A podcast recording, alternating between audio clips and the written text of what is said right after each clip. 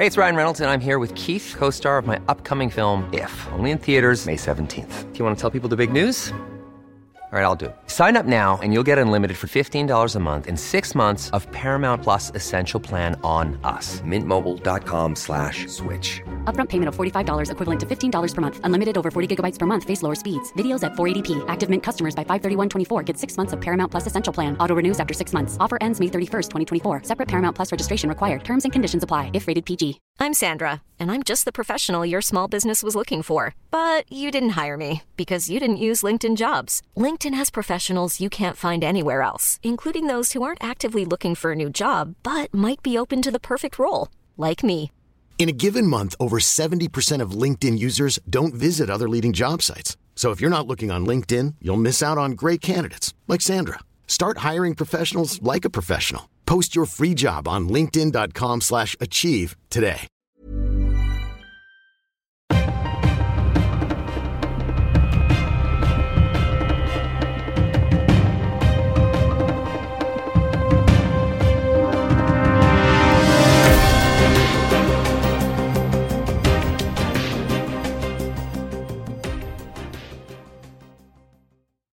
Så, då säger vi än en gång hej och eh, mycket varmt välkomna till ett nytt avsnitt av dagens Juridikpodden, midsommaravsnittet Stefan. Imorgon, eftersom vi kommer att släppa det här på en torsdag, så är det midsommar.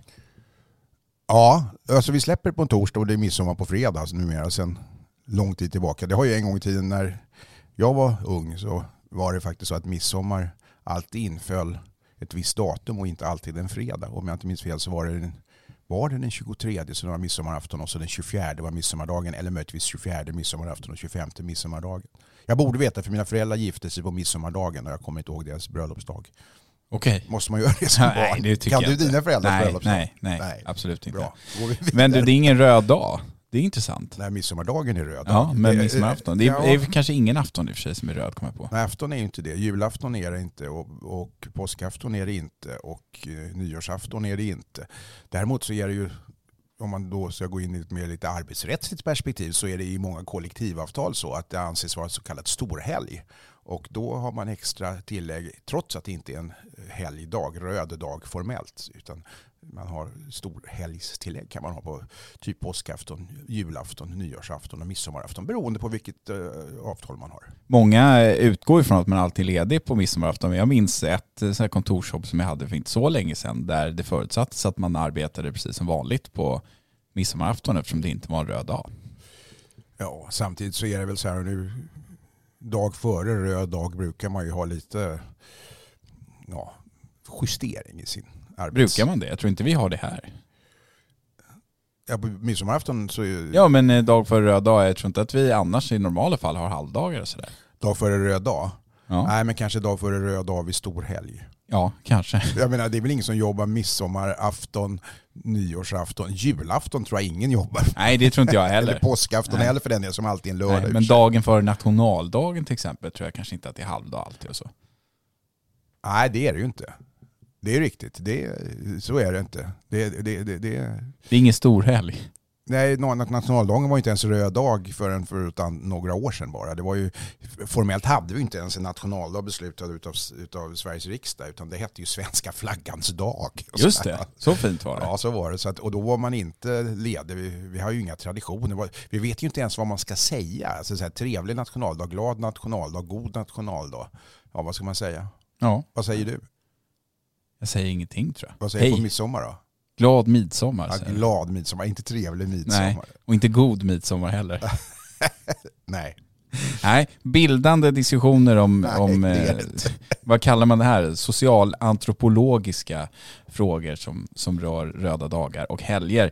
Vi eh, slutar med det och så går vi in på veckans eh, stora nyhet i vårt skrå här, Stefan. I en polisutredning så har eh, Expressen, tror jag, kan ha varit först med det här, inte helt säker, men Fredrik Sjöshult, kriminalkrönikören, skriver själv i sin text där att han i en polisutredning hittar ett nytt avslöjande om gängadvokaten, som han kallar honom, Peter Dahlqvist. Kort före en skjutning hjälpte hjälpte han en gängkriminell med ett ID. Och det han menar då är att han har hjälpt, som han påstår, en tidigare klient att på förfrågan begära ut ett dagboksblad eh, och det ledde då till, enligt Fredrik Sjöshult och den här polisutredningen, att informationen i det här dagboksbladet användes av personer kopplade till den kurdiska räven för att eh, hitta en adress och två personer åkte sen till den adressen och eh, sköt typ 15-20 skott rakt in genom en eh, ytterdörr i ett lägenhetshus.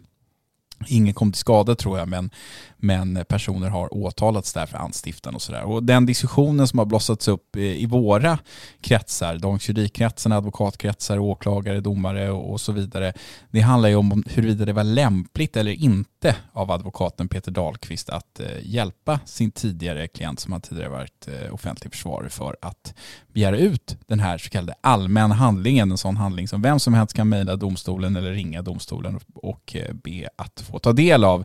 Vad ska man säga om det här Stefan? Det, det är svåra gränsdragningar både advokatetiskt och moraliskt och, och på många sätt. Ja, jag tycker att det är knepigt. Alltså, det är ju å ena sidan en offentlig handling som finns tillgänglig för alla och envar vid domstolen. Och frågan kan i och för sig väckas av mer praktisk karaktär varför den som efterfrågade den här handlingen inte beställde den själv eller uppmanades att beställa den själv svaret på det har vi inte och det, det, det kan ju finnas skäl till det. Eh, det kan ju vara så att människor vare sig man är, är, är, misstänkt för brott eller kriminell eller även, jag kan säga jag har själv vid ett antal tillfällen i, i, helt civila sammanhang bistått vänner om att begära allmänna handlingar därför att proceduren som sådan kan uppfattas som krånglig för vanliga, så kallade vanliga människor, vilket det ju inte är i och för sig. Va? Men det är klart att, att eh, jag plockade ut några på förekommer anledning sånt här som någon som vill ha ut några äktenskapsförord och vad det nu är i, i något sammanhang som har kommit in till myndighet.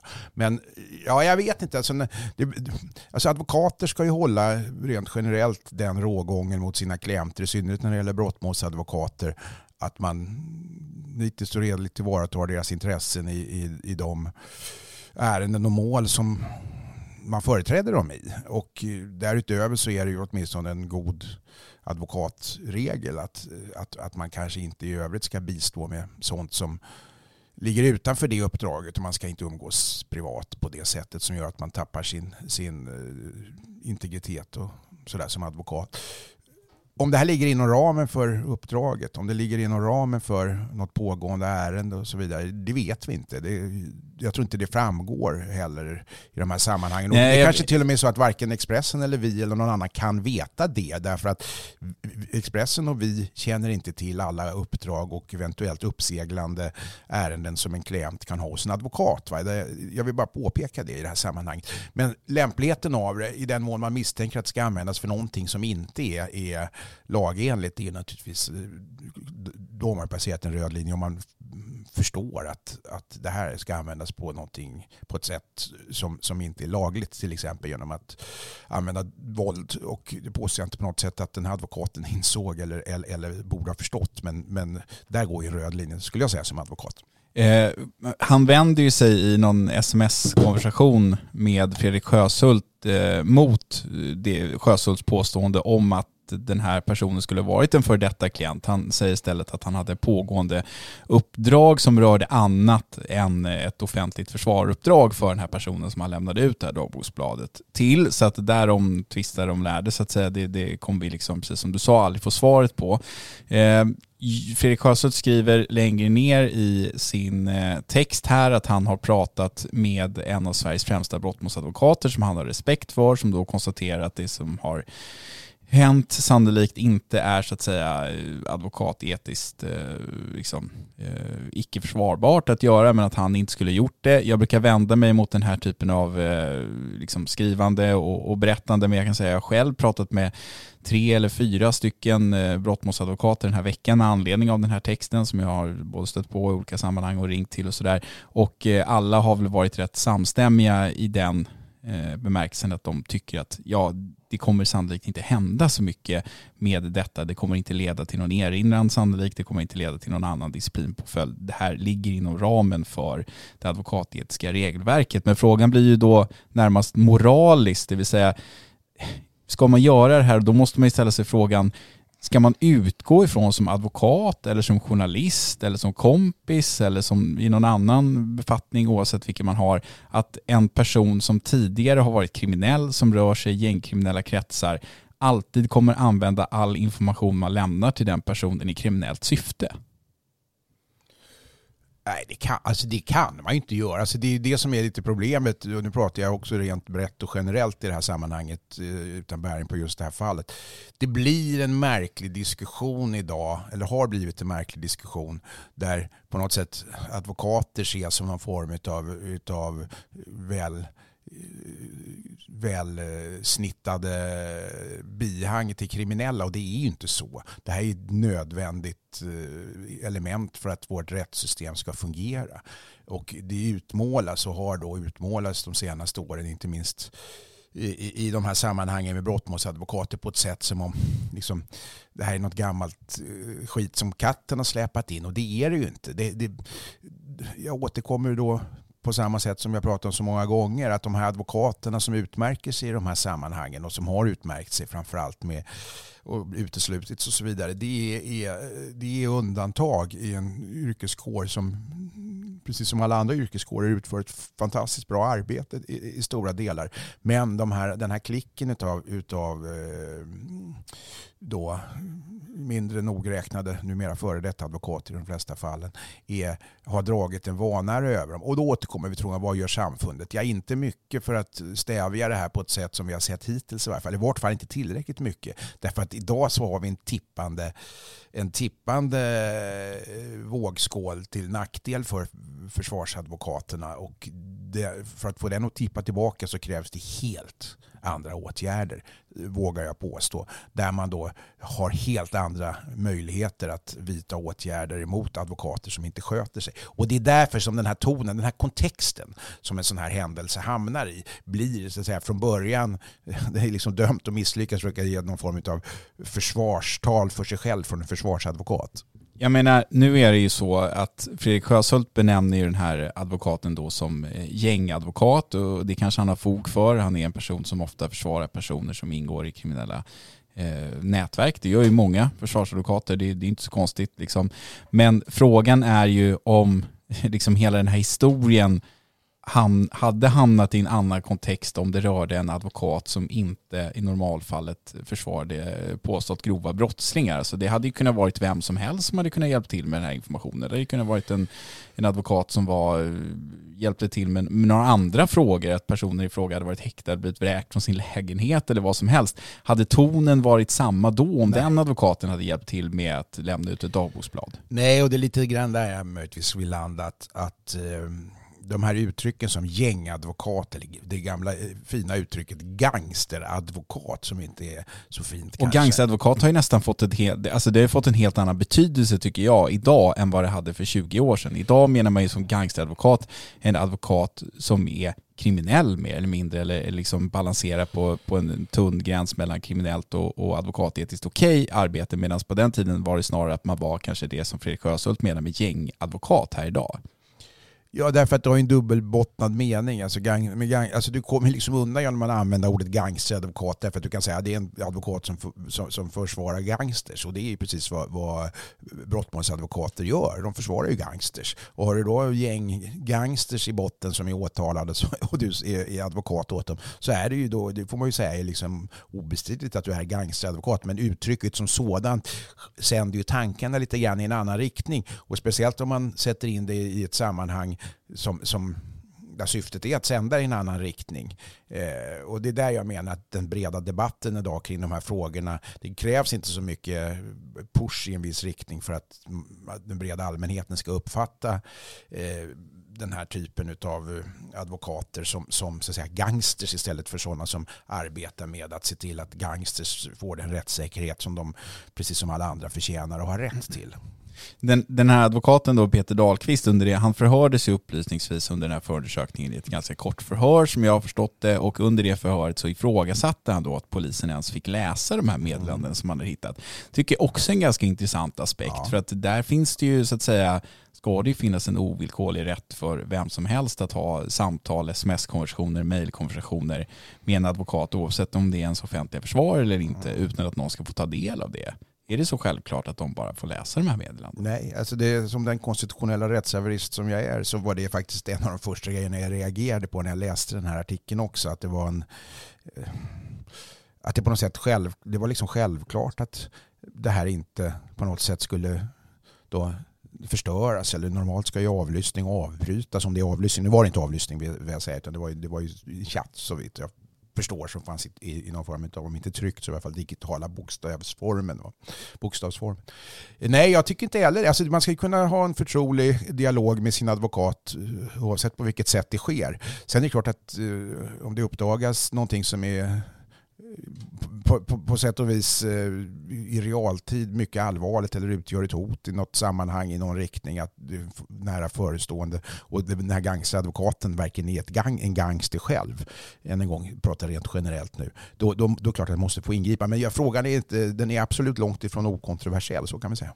Eh, vi har ju kanske inte hållit ett försvarstal här för Peter Dahlqvist, men vi, vi har ju liksom vänt och vridit på olika argument och sådär. Men kan du ha någon förståelse för att den som liksom ser den här tidslinjen, eh, person som ligger på en advokat om att få ut ett dagboksblad, till slut så skickar han det?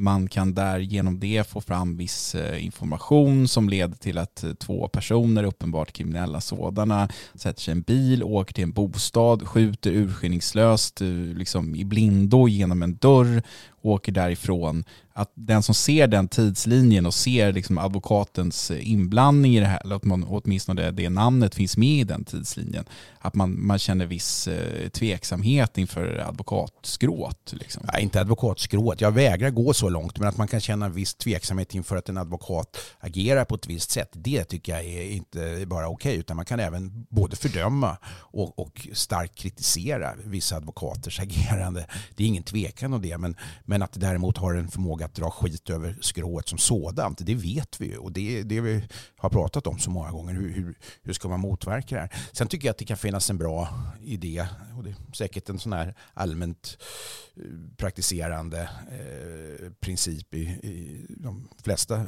framförallt brottmålsadvokaters liv eller andra advokaters liv också. Att man åtar sig inte ett uppdrag eller man åtar sig inte att utföra en, en särskild specifik eh, åtgärd utan att veta och känna till syftet med det för klienten. Va?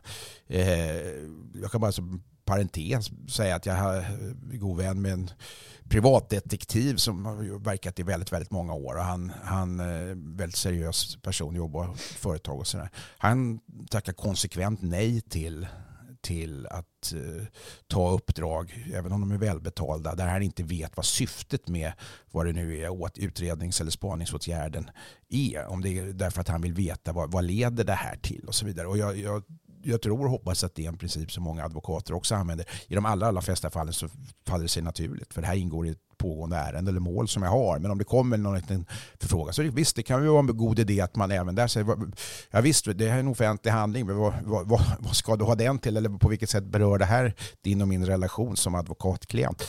Det kanske är en god idé. Jag läste en eh, åklagare som heter Daniel Larsson som är en person som eh, ganska ofta är med i media men han är också väldigt aktiv på Twitter. Eh, han skriver här att mm, utifrån omständigheterna måste advokaten insett de oerhörda risker för andra människors liv som handlandet innebar. Det förstår alla som verkar i denna kontext. Så han flyttar över att okej, okay, hade det varit en privatperson eller en person som inte jobbade med brottmål exempelvis som advokat eller åklagare något annat, då kanske det hade varit mer försvarligt. Men han menar att är man då, som jag tolkar det, brottmålsadvokat eller jobbar inom rättsväsendet på något sätt, så borde man liksom kunna tänka två steg längre här och förutse eventuella konsekvenser av att lämna ut den här typen av information. Eh, jag vet inte riktigt om jag håller med. Att få ut ett dagboksblad, det innebär att man får ut namnet kanske då på en häktad person. Sen får du göra jobbet själv då och googla på adresser och liknande. Det, det, all information står inte där. Men det är ju så här, det är det gamla vanliga resonemanget att, att det här nu har gått via en mellanhand, i det här fallet en advokat. Ja, ja, men alltså jag förstår principiellt kritik i, i, i det på det sättet, men det kanske går lite väl långt att det innehåller oerhörda risker. För då skulle man kunna säga att en domstol som hade lämnat ut det här direkt till, till en, en person utan att ha en advokat emellan hade i så fall också kunnat kritiseras för detta. Och då hade, då hade hade förlåt mig, domstolen försvarat sig med det faktum att de har en laglig skyldighet att lämna ut offentliga handlingar, ja då faller i så fall det ansvaret tillbaka på lagstiftaren. Och då har vi en ny sekretessbestämmelse på, på ingående. Och det vet jag inte om vi vill ha när det gäller frihetsberövade människor och dagboksblad från häktningar och annat, därför att det kräver insyn. Så i ena vågskålen så ligger då de eh, skador som offentlighetsprincipen inte bara riskerar att medföra utan också medför sannolikt hela tiden, inte bara i den här typen av sammanhang utan i, i publicitetssammanhang och i största allmänhet med att vi har en offentlighetsprincip som gör att vi kan få ut och titta på så mycket som inte alls är till gagn alltid för den enskilde men som är till gagn för systemet och, och rättsväsendet och demokratin eh, i sin yttersta form. Så det är klart att det blir knepigt om, om man säger att, det är, att en sån här sak överhuvudtaget kan vara offentlig och att det är oerhörda risker med att lämna ut den. När det då inte är så att, att, att en domstol skulle kunna hindra att någon utomstående tar del av det. Det är ju inget herrarnas eller damernas fria åkning inne på domstolar utan de ska ju följa lagen även i förvaltningsrättslig mening. Det vill säga även när det gäller sina allmänna handlingar. Så tänkte jag bara som en avslutning, för jag har sett en hel del personer liksom ställa sig frågande till varför den här personen bara inte själv kunde så att säga vända sig till domstolen och begära ut det. Jo, det är klart att eh, hen, han kunde göra, men om du bara visste, du som lyssnar, eller du också Stefan, det känner du mycket väl till, hur många många personer med extremt kvalificerade yrkestitlar och eh, liksom kvalificerade eh, personer överhuvudtaget med, med goda kunskaper om mycket som har hört av sig och frågat oss på Dagens Juridik så banala saker som hur man ska begära ut ett målnummer eller hur man ska begära ut ett dagboksblad eller en dom som kanske till och med eh, rör dem själva eller vad som helst. Då, då skulle man inte bli förvånad Nej. av att någon hör av sig till en advokat och ber om ett dagboksblad kan jag säga. Nej, men det är det jag säger. Alltså det här, exakt så. Det, alltså, det här är någonting som som jag säger, med jämna mellanrum själv. Jag har själv fått förfrågningar när det gäller sånt här i, i, i, i, privatlivet därför att de vet att jag kan det. Och så tror de att det är mer komplicerat än det i själva verket är. Va? Och eh, när det gäller sådana enkla saker som att plocka ut domar, alltså offentliga domare från domstolarna, jag tror jag pratade om det här någon gång. Då är det alltså, finns ju ganska utbredd uppfattning där ute om att, att domar på något sätt inte skulle vara helt offentliga eller att förundersökningar som lämnas in till domstolen inte skulle vara offentliga. Jag hade en privat bekant som vittnade i ett, i ett eh, uppmärksammat mål för många år sedan och, och hon var urförbannad. Hon ringde till mig och sa så här, jag har blivit uppringd av en dagstidning här för att eh, kommentera det som när offentligheten då trädde i kraft i samband med att åtal väcktes och förundersökningen lämnades in till domstolen. Och hon utgick ifrån att allt hon sa snarare omfattades av alltså sekretessen blev offentligt. Så det finns liksom en rad missuppfattningar där ute om hur de här frågorna fungerar och det är därför man sannolikt vänder sig till till antingen dagens juridik eller, eller till, om man nu har tillgång till en advokat och ber dem göra det här. Därför att ja, det där klarar han eller hon betydligt mycket bättre än, än vad jag själv klarar. Så, tycker, så tror jag, och så kanske det är också. Man vet inte riktigt hur man ska formulera sig och sådär. Den här diskussionen lär fortsätta. Vi lär inte sätta punkt eh, för den utan andra lär eh, fortsätta diskutera saken. Vi får se också om det kommer leda till ett ärende i Advokatsamfundets disciplinnämnd och det leder oss till en övergång övergång till nästa ämne där vi ska prata om just Advokatsamfundets disciplinnämnd och insyn och så vidare. Men vi slänger på en eh, liten eh, jingel och sen så är vi strax tillbaka.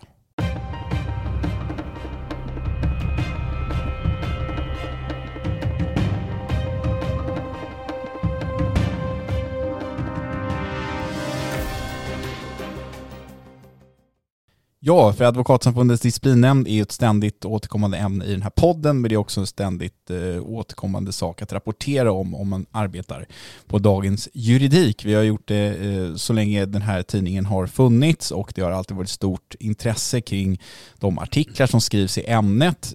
När jag började här för, eh, det är snart drygt fem år sedan, så var det väl vi, kanske någon sån här lag och avtal och, och nyhetsbyrån Siren som är en sån här nyhetsbyrå som levererar allmänna handlingar till de stora tidningarna som så att säga eh, bevakade Eh, advokatsamfundets disciplinen på mer regelbunden basis.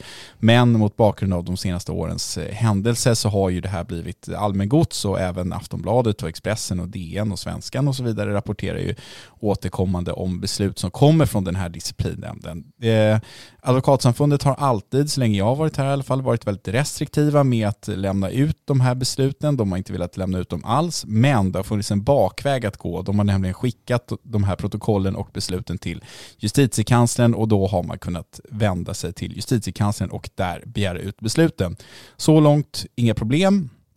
Nyligen var det dock så att Advokatsamfundet startade en egen hemsida för disciplinnämnden. Det var jättebra. Där kunde man då ta del av alla beslut som har meddelats i eh, nämnden. De var dock maskerade. Eh, det är inte så bra för det kan ju finnas ett allmänintresse och ett journalistiskt intresse i att veta vem det är som de här besluten avser. Provade som vanligt då bakvägen via justitiekanslern som meddelade att nej, vi har också bara de maskerade besluten. Så att en tid här fram till typ förra veckan så fanns det alltså ingen möjlighet överhuvudtaget för någon utanför Advokatsamfundets disciplinnämnd att ta del av icke-maskerade beslut. Och det tycker jag, Stefan, jag vet att du håller med mig, är väldigt dålig hantering av Advokatsamfundet. Alltså att man i det läge som de befinner sig i nu gör allt för att ingen ska kunna ta del av icke-maskade beslut. Det är, det är bara dåligt. Det är bara, bara dåligt. Alltså med tanke på vad vi pratade om i det förra avsnittet här, va? det blir bli lite tjatigt om det här med advokater, så kan man ju säga att den här typen av mörkningsaktioner är ägnade att helt eh, enkelt låta hela skrået få schavottera därför att man då inte kan se vem som har gjort vad. Och det går inte att granska enskilda advokater utan då får man i så fall granska eh, samfundet generellt och advokaten A, B, C, D som omnämns i de här eh, målen. Advokaten A från staden X. Ja, därför att precis va. Och, och, alltså, varje form av försök att uh, skydda sånt här är ju egentligen en ett försök att motverka det, de fina ord om transparens och, och, och, och, granskningsmöjligheter som man i andra sammanhang lyfter fram. Och det gäller inte bara Advokatsamfundet i det här sammanhanget utan det gäller ju även myndighetsutövning eh, på ett sätt som eh, hos myndigheter då eh, gör att man i många sammanhang skyddar tjänstemän genom sekretess på ett sätt som inte alls och lagstiftaren har avsett för övrigt. Men det är en annan diskussion. Samfundet är ingen myndighet, det vet alla, utan det är någon konstig eh, mellanting. Eller det är ingen myndighet, men det är utan en privat sammanslutning. Men det har ju vissa eh, offentliga eh, drag så att säga. Och det står även under tillsyn då utav justitiekanslern, precis som du säger. Och då kan man tycka att justitiekanslern åtminstone för att kunna utföra ett fullgott granskningsarbete utav eh, disciplinnämndens arbete skulle ha ett, ett komplett underlag och material och inte nöja sig med att få ett maskat material när man då eh, ska idka tillsyn. Eh, men under en period här så av skäl som som jag känner till eftersom jag har pratat med justitiekanslern. Ja, så, komma så, dit så kanske du kan redogöra för vad skälen är. Ja, och då kan jag säga så här att uh, vi fick ett litet tuppjuck på det här på redaktionen och jag vill säga att det här kan låta lite nördigt och invecklat men det, det är inte det utan det, det, finns förklaringar till varför det här är intressant. Då säger justitiekanslern att, nej, eller advokatsamfundet sa först till mig att nej det var justitiekanslern som uh, ville att vi skulle göra så här. Jaha, då ringde jag till justitiekanslern och ställde frågan varför då.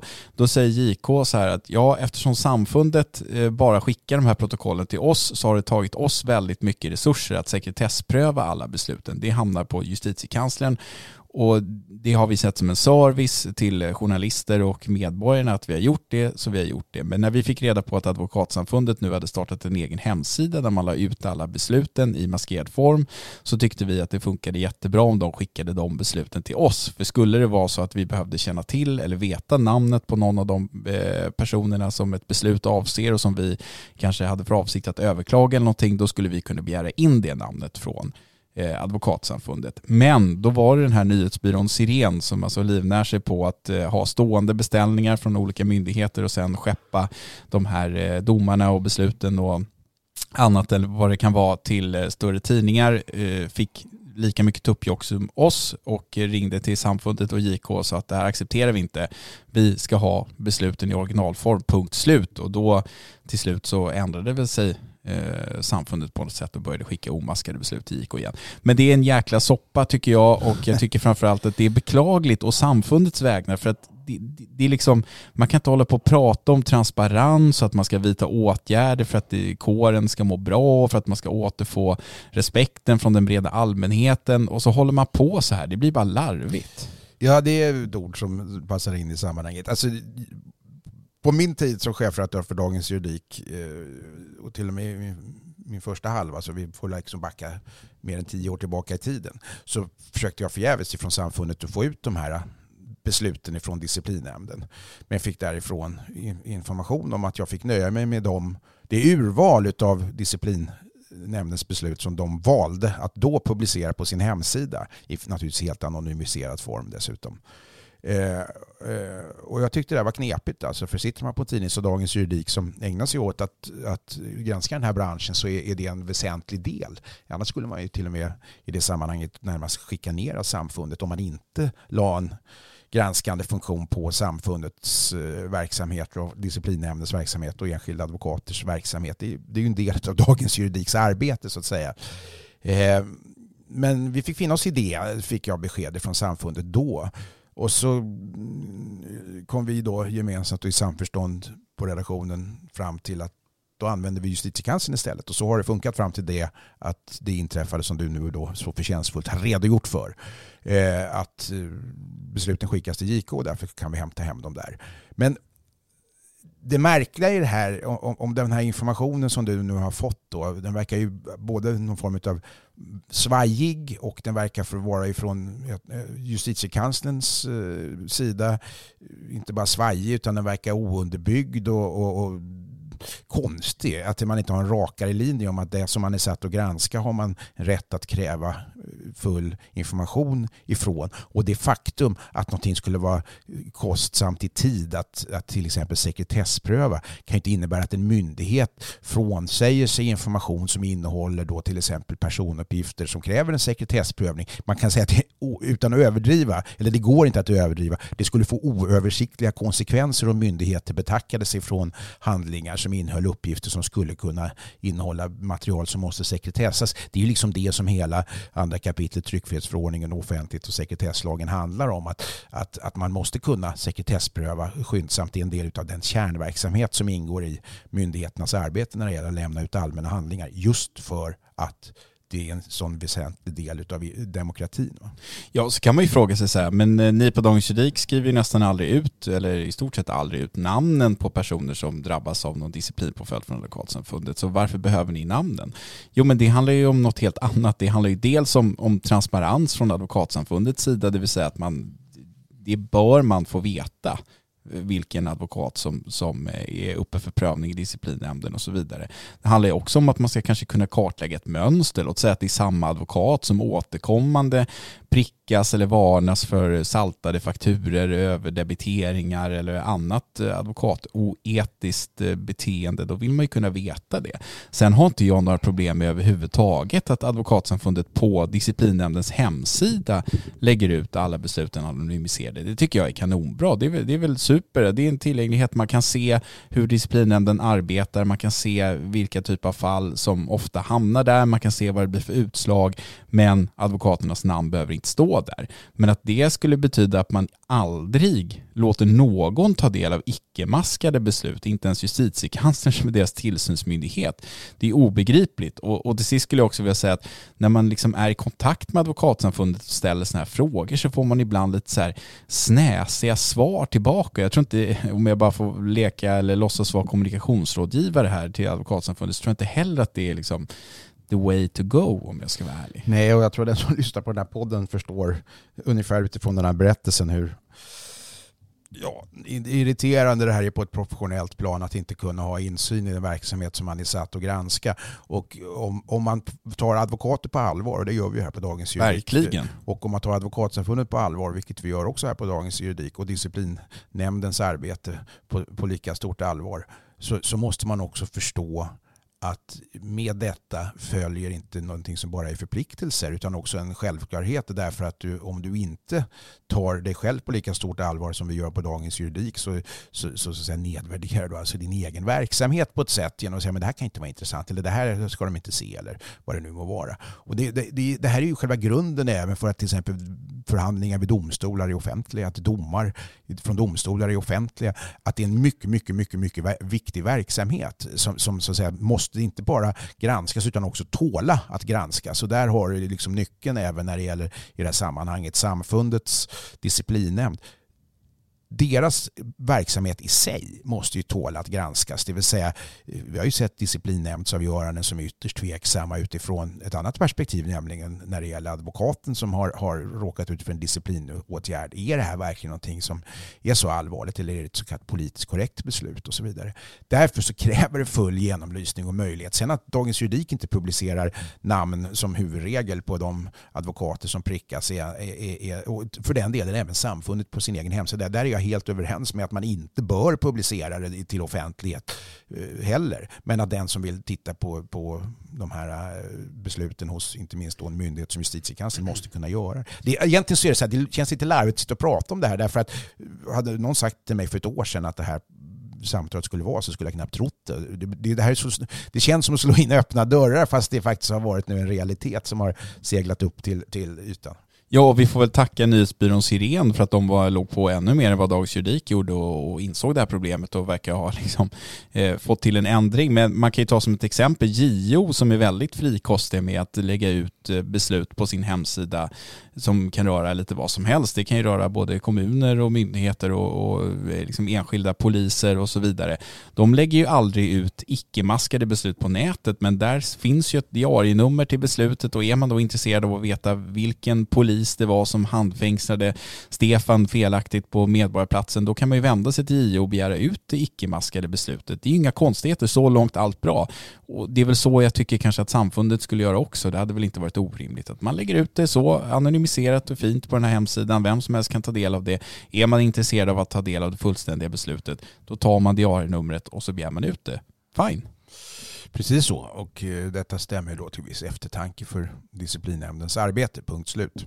Verkligen. Och jag vill uppmana den som kanske jobbar på Advokatsamfundet eller som är advokat eller sitter i disciplinnämnden och har en annan åsikt får man jättegärna höra av sig till oss. För det här skulle vara en intressant diskussion. Jag skulle gärna vilja prata med någon som är av en annan åsikt än dig och mig Stefan om, om den här frågan så får vi se om vi kan bli motbevisade. Det blir lite enögt. Eh, vi brukar ju ibland ha olika ståndpunkter där, men i det här fallet så var vi Nej men det här finns, det finns nej, ingen annan ståndpunkt nej, att nej, ha. Det blir lite Bagdad Bob om man ska sitta här och försvara ja, att man ja. inte ska lägga ut eh, några eh, namn eller så att säga ja, ge journalister möjlighet. För jag kanske, det här kanske är ett platt exempel, men låt säga som ett exempel att man skulle vilja granska huruvida personer med icke svenskklingande namn straffades hårdare i disciplinnämnden än personer med svenskklingande namn. Den granskningen är helt omöjlig att göra till exempel om man inte får ta del av vilka advokater i fråga som, som prickas till exempel. Ja, och framförallt så har du den här frågan. Om kvinnor prickas hårdare. Ja, ja, Och sen har du mönstret också, det vill säga människor som är advokater som gång på gång på gång då får erinringar och varningar och eh, det finns naturligtvis ett oavvisligt allmänintresse av att åtminstone veta att man kan prickas tio gånger utan att uteslutas eller sju gånger utan att uteslutas. Vad det nu må vara och det kan vara nödvändigt då för att vi behöver, nu, nu är vi liksom inne på vanlig, sedvanlig journalistisk researchmetod och det, det, det, det är en del av det som Dagens Juridik tillämpar. Eh, sen är det inte så att vi alltid publicerar, eller rätt sagt huvudregeln är att vi inte publicerar namn och, och, och, och bild utifrån sådana här, om det inte är väldigt speciella omständigheter. Det finns ju undantag i alla sammanhang. Men alltså publicistiska regler är till för att följa även för dagens juridik. Va? Så är det Stefan. Eh, det blev ett advokattyngt avsnitt ja. men eh, det var det väl värt för det var ju veckans stora snackisar. En stor mediesnackis och en stor redaktionssnackis. Imorgon när ni lyssnar på det här, om ni lyssnar på torsdagen, så är det alltså midsommar. Har du några planer Stefan? Ja, det är inte något märkvärdigt alls. Vi ska vara ett gäng, träffas i, hemma i vår, vårt hus i Roslagen och fira och ha trevligt. Och jag ska nu efter den här poddinspelningen bege mig och handla lite starkare varor och... Eh, du ska smaka starkt på midsommar alltså? Ja, det finns ju nubbe som är alkoholfri nu också som, som bekant. Men det har vi inte i vår, i vår familj. Nej, härligt. Ja, det låter bra tycker jag. Jag ska göra Jag tänkte med tanke på de här senaste rekommendationerna eller vad det nu är ja, från, från, från de nordiska kostrekommendationerna där man säger ingen alkohol, alltså ingen alkohol alls och sådär. Det, ja. Ingen kött heller? Ja, visst kött. 350 gram enligt, enligt de här eh, ska man då Men få fisk? äta. Så sillunchen är inte hotad. Och rasse är ju jättenyttigt. Ja. Och då uppkommer den gamla vanliga, närmast, inte närmast existentiella, utan det är ju en existentiell fråga. Kvalitet eller kvantitet. Jag äter hellre gott och dricker gott vin eh, i, i ett liv som är möjligtvis något kortare än att jag ska tillbringa mina sista 15 år i, på ett demensboende eller någonting sånt där. Ja, visdomsord från Stefan Nej, Wahlberg. det var det inte. Det var det inte. Det var allmänt sva- svammel, men det ligger någonting i det förhoppningsvis. Eh, vi tackar er som har lyssnat och eh, önskar er alla en glad midsommar. Glöm inte att mejla till podden att dagens juridik om ni vill skicka en midsommarhälsning eller eh, komma med någon annan information. Ris och ros, precis som vanligt. På återhörande nästa vecka, då är det väl nästan juli om inte riktigt. Vi hörs, hej!